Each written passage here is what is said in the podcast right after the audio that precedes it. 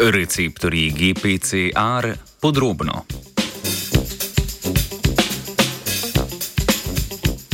V današnjem znanstvenem Britofu se poglabljamo v proteinsko strukturo enega najpomembnejših receptorjev na človeški celici. Ameriški raziskovalci in raziskovalke v reviji Science poročajo o velikem dosežku pri razumevanju prenosa signala preko receptorjev, sklopljenih z G-proteinom. Z G-proteinom sklopljeni receptori, krajše GPCR, so membranski proteini, ki jih najdemo na skoraj vsaki človeški celici. Receptor GPCR sestavlja sedem proteinskih vijačnic, ki prehajajo celično membrano. Tako imajo del, ki gleda proti zunanjosti in notranjosti celice, kjer receptor interagira s sklopljenim G-proteinom znotraj celice. Na delu proteina, ki ziva v medcelični prostor, se nahaja vezavno mesto za ligand. Ta je lahko bodi si neka signalna molekula, bodi si neka farmakološka učinkovina.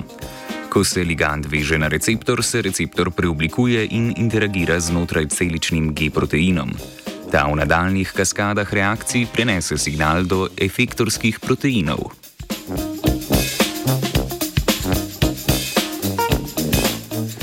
Če ravno so GPCR receptori tarča kar 30 odstotkov registriranih zdravil pri ameriški upravi za hrano in zdravila in so njihove farmakološke lastnosti precej dobro raziskane, pa je razumevanje molekularnih in strukturno-bioloških osnov delovanja GPCR receptorjev še precej omejeno. Ameriški raziskovalci in raziskovalke so naslovili to vrzel in poskusili povezati farmakološke podatke s strukturiranjem strukturnimi spremembami proteina na ravni posameznih aminokislinskih ostankov in z interakcijo z G-proteinom.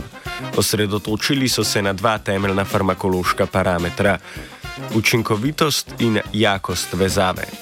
Učinkovitost vezave učinkovine s posameznim receptorjem določa njen maksimalen učinek, ki ga lahko dosežemo, medtem ko jakost vezave učinkovine predstavlja njeno koncentracijo pri polovičnem maksimalnem učinku.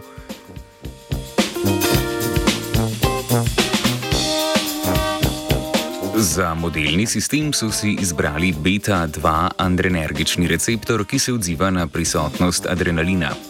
Receptorju so sistematično mutirali vseh 412 aminokislinskih ostankov in z uporabo bioluminescenčne metode izmerili klasične farmakološke lastnosti mutiranega sistema, torej njegovo učinkovitost in moč.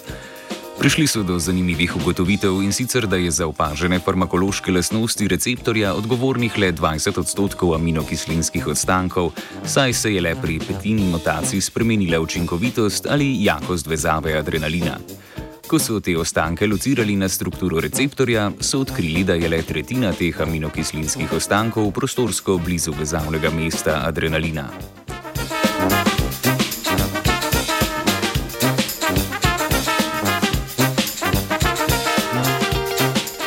Rezultati tako kažejo na PMFAK. Rezultati tako kažejo na pomen tako imenovanih alosteričnih interakcij.